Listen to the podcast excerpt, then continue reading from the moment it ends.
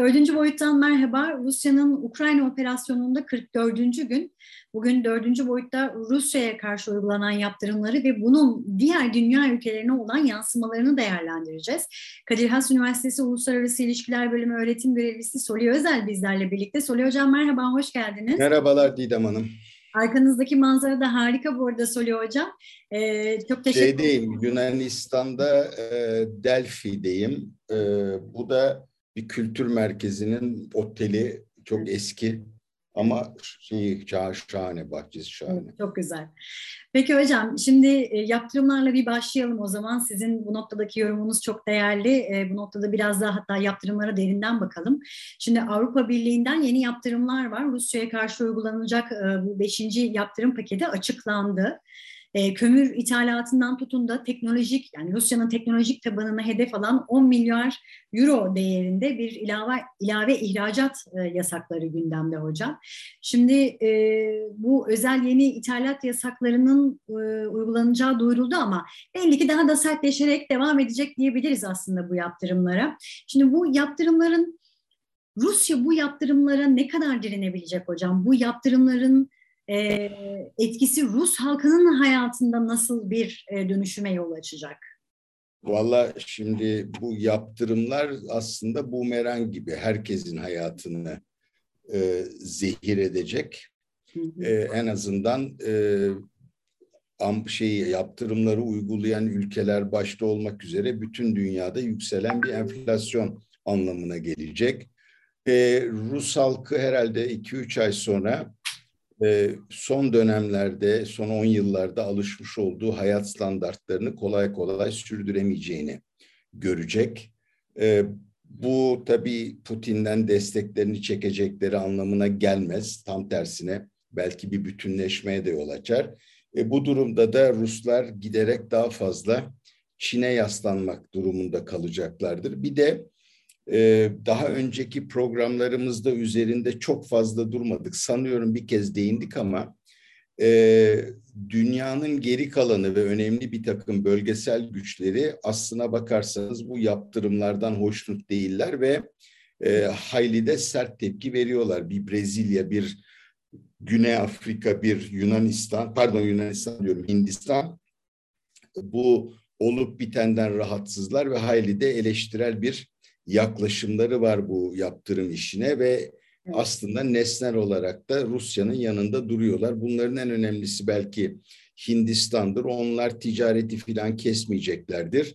E, bu ABD'nin e, ikincil yaptırımlar denilen yani ABD'nin iş yapılmamasını istediği şirketlerle iş yapanların cezalandırılması meselesi de giderek bir uluslararası hukuk meselesi haline gelecek gibi Hocam, de Amerika gözüküyor. Birleşik Devletleri'nden de aslında Türkiye'ye bu anlamda bir e, uyarı var. Uyarı var evet. Evet. E, onu nasıl değerlendirirsiniz? Yani biz konuşmuştuk bunu. Acaba Türkiye'ye böyle bir uyarı gelir mi? E, ne e, dersiniz? E, tamam bu ama hep hep hep olan bir şey yani. E, bu İran için de geçerliydi. Dolayısıyla yani e, bunun dediğim gibi uluslararası hukuka uygunluğu anladığı kadarıyla çeşitli yerlerde tartışılıyor. Ee, ama işte o yüzden de Türkiye hani oligarkların parası çok cazip gelebilir ama hani pek fazla bununla ilgilenmeseniz iyi olur gibilerden bir uyarı geldi. Evet. Dünyanın başka ülkelerine de gidiyor. Başlangıçtaki sorunuza dönecek olursak valla bu yaptırım işleri sonunda hiç olmaz denilen noktaya kadar yani gazın bile alınmasının durdurulmasına kadar gidebilir alternatifini buldukları takdirde öyle gibime geliyor açıkçası. Evet. Ee, ve bu tabii yani şimdiden zaten gıda fiyatlarındaki artışı, enerji fiyatlarındaki artışı görüyoruz. Zaten gıda ve enerji fiyatları arttı mı dünyada diğer fiyatları da tutmak herhalde mümkün olmayacaktır. Bu da e, anladığım kadar beklentilere göre e, Amerikan Merkez Bankası'nın belki yılın başında ilan ettiğinden daha sıkı bir para politikası uygulamaya çok daha erken geçebileceği anlamına da geliyor. Bu bütün dünyada faizler yükselecektir ya faiz yükselmesini tetikleyecektir. Bütün bunlar da tabii Türkiye'yi çok yakından da ilgilendiren çünkü dolay do, doğrudan e, ekonomik e, hayatı üzerinde, halkın yaşam standardı üzerinde, halkın aç kalmaması gibi çok temel bir mesele üzerinde etkisi olacak gelişmeler. O zaman söz e, yükselen akaryakıt fiyatlarından ve ekonomik krizden açılmışken hocam enflasyonun yüksek olduğu Peru'da Rusya'nın Ukrayna işgalinden sonra gıda ve akaryakıt ve temel ihtiyaçlarda fiyatlar arttı. Her, dünyada her ülkede olduğu gibi. Şimdi Peru'da e, akaryakıt ve gübre fiyatlarına karşı protestolar vardı. Benzer görüntüler Sri Lanka'dan da geldi. Ekonomik kriz sonucunda insanlar sokağa döküldü, kabinedeki tüm bakanlar istifa etti. Benzer bir görüntü yine şu anda sizin bulunduğunuz Yunanistan'da da vardı. Genel bir vardı. Evet. Şimdi Batı'nın Rusya'ya uyguladığı bu yaptırımlar özellikle bu e, Peru gibi gelişen ekonomilerde nasıl karşılık bulacak hocam? Hayır yani herkes bundan dolayı çok sıkıntılı. Yani siz daha bekleyin Mısır patlayacak. Yani e, şey gibi Mısır gibi Orta Doğu'nun pek çok ülkesi gibi Afrika gibi bu Ukrayna ve Rus e, buğdayına zaten ithalat açısından bağımlı e, ve toplumların ancak ekmek fiyatlarını düşük tutarak kontrol edebilen pek çok yerde ekmek fiyatları da düşük tutulamayacağı noktada büyük patlamalar bekleyebiliriz. Yani e, Haziran Temmuz'dan sonra eğer Rusya Suriye'ye yapılan dış yardımların e, durdurulması ya da devam ettirilmemesi yönünde Güvenlik Konseyi'nde oy kullanılacak olursa Suriye'de daha beter yani savaşın ötesinde bir de gıdadan kaynaklanan büyük baskılar olacağını da görebiliriz. Yani bu iş uzadıkça e, ve yaptırımlar da devam ettikçe bütün dünya bundan yaptırımları tekrar ediyorum yaptırımları uygulayanlar da dahil olmak üzere son derece olumsuz bir şekilde etkilenecek. O zaman buna yani soracaktım ama siz zaten sor, söylediğiniz cevabı verdiniz ama Türkiye açısından yansımaları nasıl olur? Herhalde bizim de ekonomi... E başladı zaten değil mi? Yani resmi 61, gayri resmi 100 ila 114 arası bir enflasyon oranından bahsediliyor. Evet. Ee, Türkiye bir e, tahıl ithal, ithalatçısı. Dolayısıyla piyasa fiyatları Türkiye'de etkili olacak. Dünya piyasası fiyatları etkili olacak. Benzer şekilde işte en son gaza yüzde 48 e, zam yapıldı. Petrol fiyatları artacaksa eğer şeye rağmen hani Amerikalılar e, stratejik yerlerinden her gün 1 milyon e, e, varil e, serbest bırakarak e, fiyatlar üzerindeki baskıyı durdurmaya çalıştılar ve sanırım e, şu ana kadar e, Suudi Arabistan ve Birleşik Arap Emirlikleri'nin üzerinde yaptıkları baskı etki ya etmemişti. Yani sonuç alamamışlardı ama o herhalde onları yeniden ikna etmeye de çalışıyor olabilirler. Yani dünyadaki Peru'ydu, e, Brezilya'ydı, herhangi bir Afrika ülkesiydi ya da Asya ülkesiydi nasıl etkileniyorsa Türkiye'de benzer şekilde bunlardan etkilenecek. Kaçabilmesi de mümkün değil. Hocam o zaman buradan Macaristan seçimlerine dair bir yorumunuzu sormak istiyorum. 12 yıldır e, iktidarda olan e, Başbakan Başbakan Viktor Orban e, seçimi kazandı. Orban'ın AB ile yıllardır e, bazı görüş ayrılıkları vardı. Özellikle hukukun e, üstünlüğü, basın özgürlüğü gibi konularda. Şimdi ama şu, şu açıdan da bir bakalım Putin'le de yakın ilişkisi var Orban'ın. E, Putin'i sevindirecek bir sonuç tabii bu ama siz nasıl yorumlarsınız hocam bu seçim sonucunu? Tabii Putin çok yani parmağınızı doğru yere bastınız. Putin'in çok sevineceğine şüphe yok. E, Polonya'dakilerin de sevineceğine şüphe yok. E, geçen de bu, e, gitmiş olduğum bir konferansta birisi şöyle dedi e, Macaristan Orban için çok küçük bir yer ya da Orban Macaristan için çok büyük bir adam, büyük bir siyasetçi.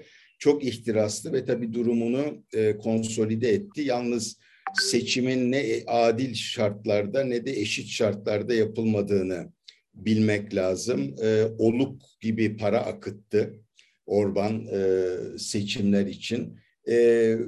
Fakat ekonomist de zaten çok da kötü durumda değildi ama ee, bir de anladığım kadarıyla muhalefetin adayının e, son tahlildeki zayıflığının ötesinde Rusya-Ukrayna savaşında Ukrayna'nın tarafında olduğunu açık etmesi Orban'ın onlara saldırmasına da yol açmış ama e, bence burada dikkat edilmesi gereken bir başka nokta daha var. O da e, son güne kadar aradaki farkın kıl payı bir fark olduğu söyleniyordu. 18 puanlık bir fark çıktı. Yani bu kamuoyu yoklamalarına bir güvenmemek gerekiyor. İki, e, böylesine kriz anlarında seçmen e, bildiği belayı bilmediği cennete teşhis yapıyor.